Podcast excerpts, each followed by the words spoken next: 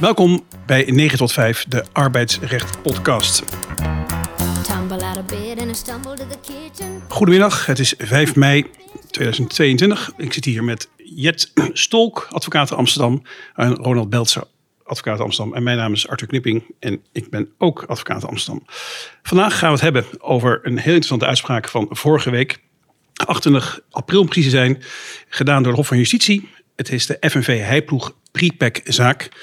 Daar is door veel mensen lang naar uitgekeken. En Jet, waar gaat deze uitspraak eigenlijk over?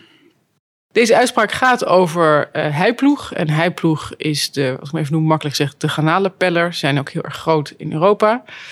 Daar ging het niet zo goed mee. Uh, en daar kwam bovenop dat zij een gigantische boete kregen voor kartelvorming. En dat trok hen verder in het slop. En toen dreigde faillissement. En toen is er gesproken over de welbekende prepack. Met andere woorden, er is een doorstart voorbereid kort voor een technisch faillissement. Um, en dat was succesvol. Er is toen een koper gevonden. Faillissement is uitgesproken. En het is nou, heel kort na dat technische faillissement is het daadwerkelijk doorverkocht. En de hele interessante vraag die je daarbij krijgt is: kan er dan toch, ondanks een faillissement, sprake zijn van een overgang van onderneming? Want, en dat, dat triggerde het waarschijnlijk, en daarom is die FNV erbij betrokken. Ze namen interessante delen over, maar lieten werknemers bijvoorbeeld die ze niet interessant vonden, lieten ze achter. En die gingen niet mee over naar die nieuwe heiploeg. Die gingen niet meer over, althans niet iedereen ging over. En de mensen die wel overgingen kregen niet exact dezelfde arbeidsvoorwaarden. En er was sprake van een mogelijke verslechtering.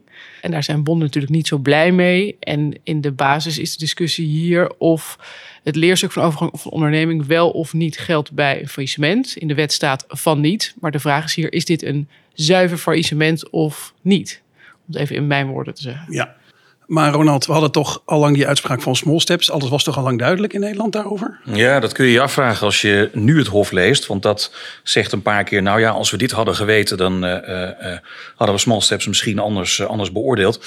Ehm, daar lag de focus inderdaad heel erg op het punt dat die prepack deel uitmaakt, dat er overigens van de wet continuïteit ondernemingen, nou hoe duidelijk wil je het hebben, hè? Uh, dat die dus gericht was op voortzetting nou, en, en, niet op liquidatie. Dus die faillissementsuitzondering zou dan uh, niet gelden. Welke faillissementsuitzondering? Nou, er staat, de, Jet die noemde hem net al even kort, artikel 666, een omineus getal natuurlijk. Dat bepaalt dat er geen sprake is van een OVO als de boedel uit faillissement wordt verkocht, de onderneming uit faillissement wordt verkocht. En dat staat ook in die Europese richtlijn. En ja, dat die bonden dan boos worden, snap ik wel. Want ja, als je uh, in feite gewoon uh, reorganisatie wil doorvoeren met minder personeel en slechtere arbeidsvoorwaarden, dan ben je in Nederland normaal gesproken maanden verder met bonden en OR'en en leerstukken van wijziging arbeidsvoorwaarden en, en allemaal andere, uh, nou ja, vanuit werkgeversperspectief gezien, narigheid. En dan is zo'n prepack die je in stilte voorbereidt, even met een faillissementje ertussendoor, hè, natuurlijk wel veel soepeler. Ja. Veel soepeler. Ja, want Jet, jij werkt bij zo'n groot kantoor. Merk je dat? Wordt, dat? wordt daar vaak en graag gebruik van gemaakt door collega's jou op kantoor van zo'n doorstartmogelijkheid? Nou, het zijn dan niet mijn collega's natuurlijk, maar we, ons kantoor levert vaker curatoren. En die, uh, ja, die, die, die struggelen soms wel met de vraag, inderdaad, wat gebeurt hier dan? Want zij kijken voornamelijk vanuit faillissementsperspectief naar zo hoog mogelijke opbrengst voor de schuldeisers. Dus zij hebben in de basis dat perspectief voorop. Ook al zijn er ook wat uitspraken die zeggen dat er ook wel degelijk rekening moet worden gehouden met werknemersbelangen. Uh, maar vanuit een curator die denkt, ja, die, die boedelopbrengst moet zo hoog mogelijk, zoveel mogelijk schuldeisen moeten worden betaald. En gevoelsmatig denk ik, ik wil niet graag voor hen spreken, maar gevoelsmatig denk ik dat ze dan de werknemers soms wel op een tweede plan zetten. Als het, mooi, als het erbij kan, hè, als het kan worden verenigd met die hoge opbrengst voor schuldeisers, iedereen blij. Maar als ik denk je een harde keuze zou moeten maken tussen die schuldeiser of die werknemer, dan delft de werknemer vaker het onderspit. Dus wat Ronald zegt, hij, begrijpt wel waarom die FNV hier eh, is begonnen met te ageren tegen die gang van zaken bij Heiploeg. We zijn uiteindelijk terechtgekomen bij het Hof van Justitie. Hoe kwamen we daar dan terecht, uh, Ronald? Kun je daar iets over zeggen dat, uh, dat die, het Hof in Luxemburg zich hiermee moest bemoeien met deze Nederlandse zaak? Nou ja, um, men was natuurlijk een beetje wakker geschud na, uh, na small steps. En er is ook heel veel over geschreven. Van hoe kan het nou? Hè? Het is toch duidelijk dat de, dat de faillissementsprocedure ziet op een zo hoog mogelijke opbrengst. En dat je dat going concern kan doen, dat is vers 2. Dat dat het meeste oplevert en de meeste werkgelegenheid behoudt. Ja, dat is, dat is bijvangst. Hè? Dat is mooi. De Hoge Raad, inderdaad, wat Jet terecht zegt, heeft een paar keer gezegd... joh, daar moet je ook naar kijken aan die maatschappelijke belangen. Maar voorop staat liquidatie, zo hoog mogelijke opbrengst. En dat kun je vervolgens op allerlei manieren doen. Nou, dat kwam bij small steps blijkbaar onvoldoende uit de verf. En zo bood in feite de heiploegzaak een nieuwe kans... Uh, om, om dat aan het Hof voor te leggen. Dat is eigenlijk, wat mij betreft, de crux van deze zaak. Van, hoe gaan we daar nou mee om? We hebben die prepack. Zoveel verschil zat er ook weer niet tussen small steps en heiploeg. Ja, een paar, paar verschillen, maar... Ja, maar goed, eh, wat de kernvraag betrof... Uh, het ging ook een deel van het personeel over. Men had natuurlijk ook graag het, uh, men had ook het plan graag willen doorvoeren van joh, uh, zoveel mogelijk mensen mee en de interessante delen overnemen. Dus wat dat betreft is het hetzelfde. Maar die focus lag hier meer op, ja maar best Hof, kijkt u nog eens. Het gaat hier nog steeds om liquideren. Hè? De intentie, want die, die, dat woord intentie komt steeds voor. De intentie mag niet zijn behoud van werknemers. De intentie mag niet zijn going concern. Intentie moet zijn de hoogste opbrengst voor crediteuren. Dat blijft het belangrijkste en dat moet voorop Juist. staan. En dat staat ook hier weer heel duidelijk uh, voorop. Daar moet je naar kijken. Ja. Want weet je, het, wat heeft nou de Hoge Raad gevraagd aan het Hof? Uiteindelijk heeft Hof gereageerd op dat de Hoge Raad er niet uitkwam, mag ik het zo zeggen? Die heeft vragen gesteld. Ja, Weet althans, wat die zij, twijfelde om het makkelijk te zeggen over of, of wat zij wilde gaan doen, of dat zou kloppen. En er zijn eigenlijk twee uh, vragen gesteld. Ik denk dat Ronald het beste die vraag exact voor, voor op de bril heeft. Maar misschien even een klein stapje terug. Je hebt artikel 5, dat is de richtlijn. En daarin staan de voorwaarden uh, om te kijken of iets nou wel of niet een OVO kan opleveren. En dan zie je eigenlijk drie subelementen die daarin terugkomen. En de eerste element is, is het een faillissementsprocedure of niet? Of is er sprake van een failliet of niet? Nou, ook bij een prepack is het in ieder geval technisch een faillissement. Dus dat gaat dan wel goed. Dan krijg je het, de tweede vraag, en dat is een hele interessante vraag. Uh, wat is nou eigenlijk het hoofd... Ik zeg het allemaal in mijn termen, maar wat is nou eigenlijk het hoofddoel van die procedure? Hè? De vraag liquidatie of voortzetting. Uh, en dan heb je nog een derde vraag. Is er, zijn er voldoende wettelijke waarborgen of toezicht op die prepack-procedure? En vooral vraag 2 en 3 daar zit hier uh, de crux. En, en dat is waar verdiepende vragen door de Hoge Raad over zijn gesteld. Oké, okay, en daar kwam een antwoord op. En dat is de uitspraak die we nu, nu hebben. En ja. die duidelijkheid die de Hoge Raad kennelijk vroeg, die is ge gekomen. En Ronald, kunnen we wat met de antwoorden die het Hof heeft gegeven? Kunnen nou, we daarmee nou, verder? Ja, zeker. Uh, even, even ook weer in mijn eigen woorden. Het Hof het staat er best complex, hè? Wat zeg je? Het staat er inderdaad best ja, complex. Ja, het staat er, je moet het even een paar keer lezen. Precies. Ik dacht eerst, oh halleluja. En toen zag ik ineens van, nou, misschien toch nog heel even wachten. Met, uh, met de slingers ophangen. Uh, er, er staat, uh, wat die tweede en die derde vraag aan staat. Prepack als voorportaal van faillissement. Beide procedures, zoals het is voorgelegd door de verwijzende rechter, zijn inderdaad gericht op liquidatie. Wat ik dus net ook zei. Uh, en dat de werkgelegenheid daarmee behouden is, is mooi, maar dat uh, vloeit daaruit voort. En een bijvangst. Hè? Dat, ja. is, dat, is, ja, dat is door de keuze die is gemaakt. Want going concern verkopen ja, levert nou eenmaal altijd meer op. Dat is een soort truism waarbij het Hof dus in feite dan niet de, de doorstart wil, uh, ja, wil, wil veroordelen. Hè? Want dat, is, dat doel blijft voorop staan. De tweede vraag, wat dus de derde, derde eis is uit het artikel. De beoogd curator en de beoogd rechtercommissaris, die hebben formeel natuurlijk helemaal geen, uh, geen bevoegdheden. Uh, dat stond ook heel duidelijk in die brief van de rechtbank Noord-Holland, waarin ze werden aangewezen. Daarvan zegt het Hof eigenlijk vrij soepeltjes. Nou ja, weet je, uh, die worden feitelijk aan de zelfde regels gebonden. Uh, de beoogd curator kan net zo aansprakelijk zijn als de curator nadien. Het zijn vaak dezelfde personen, maar dat hoeft niet. Hè. Uh, ze kunnen ook uh, zeggen, dit gaat niet door. Hè, de beoogd curator, de beoogd RC. Dus die moeten dezelfde belangen dienen, om een lang verhaal kort te maken. Dus dat vinden wij dan voldoende wettelijk toezicht. Ja. Daar komt dat op neer. Maar... Misschien even een vraag tussendoor van mij dan, Ronald. Want, want als ik het lees, het klinkt wel heel erg als de papieren tijger. Hè? Met andere woorden, als je het goed opschrijft en die aanwijzingen goed geeft, dan ben je dus al best wel dicht bij de vervulling van die eis. Klopt. Ja. Zonder ja. dat er een wettelijke basis is, zeg je. Wat ja, ja, in feite wel. Nou ja, in ieder geval wat dit punt aangaat. Ja. Want als we het hebben over wettelijke eisen, dan. dan, dan uh, Ziet dat niet op dat die curator en die rechtercommissaris helemaal al vast moeten nee, staan? Dat is, dat nee. is gewoon een bevoegde overheidsinstantie, ja. zoals artikel 5 dat eist. Ja. Maar de pijn zit nog even, en dat, daarom refereerde ik aan die slingers die we nog eventjes moeten vasthouden. Uh, zit erin dat uh, het Hof oordeelt. Ja, maar luister eens even, die prepack. Er zijn maar een paar rechtbanken die eraan meedoen. Hè? Uh, um, die kunnen verschillend oordelen, dus in Nederland. Dus de rechtszekerheid is hier in het geding. En dat is dus onvoldoende wettelijke basis. Ja, en de prepack heeft natuurlijk verder geen wettelijke basis. Faillissementsprocedure wel. En het Hof oordeelt dan uiteindelijk, het antwoord op de prejudiciële vraag. Ja, het is een onvoldoende wettelijke basis. Met andere woorden, we zijn wat dat betreft nog niet veel verder dan small steps, denk ik.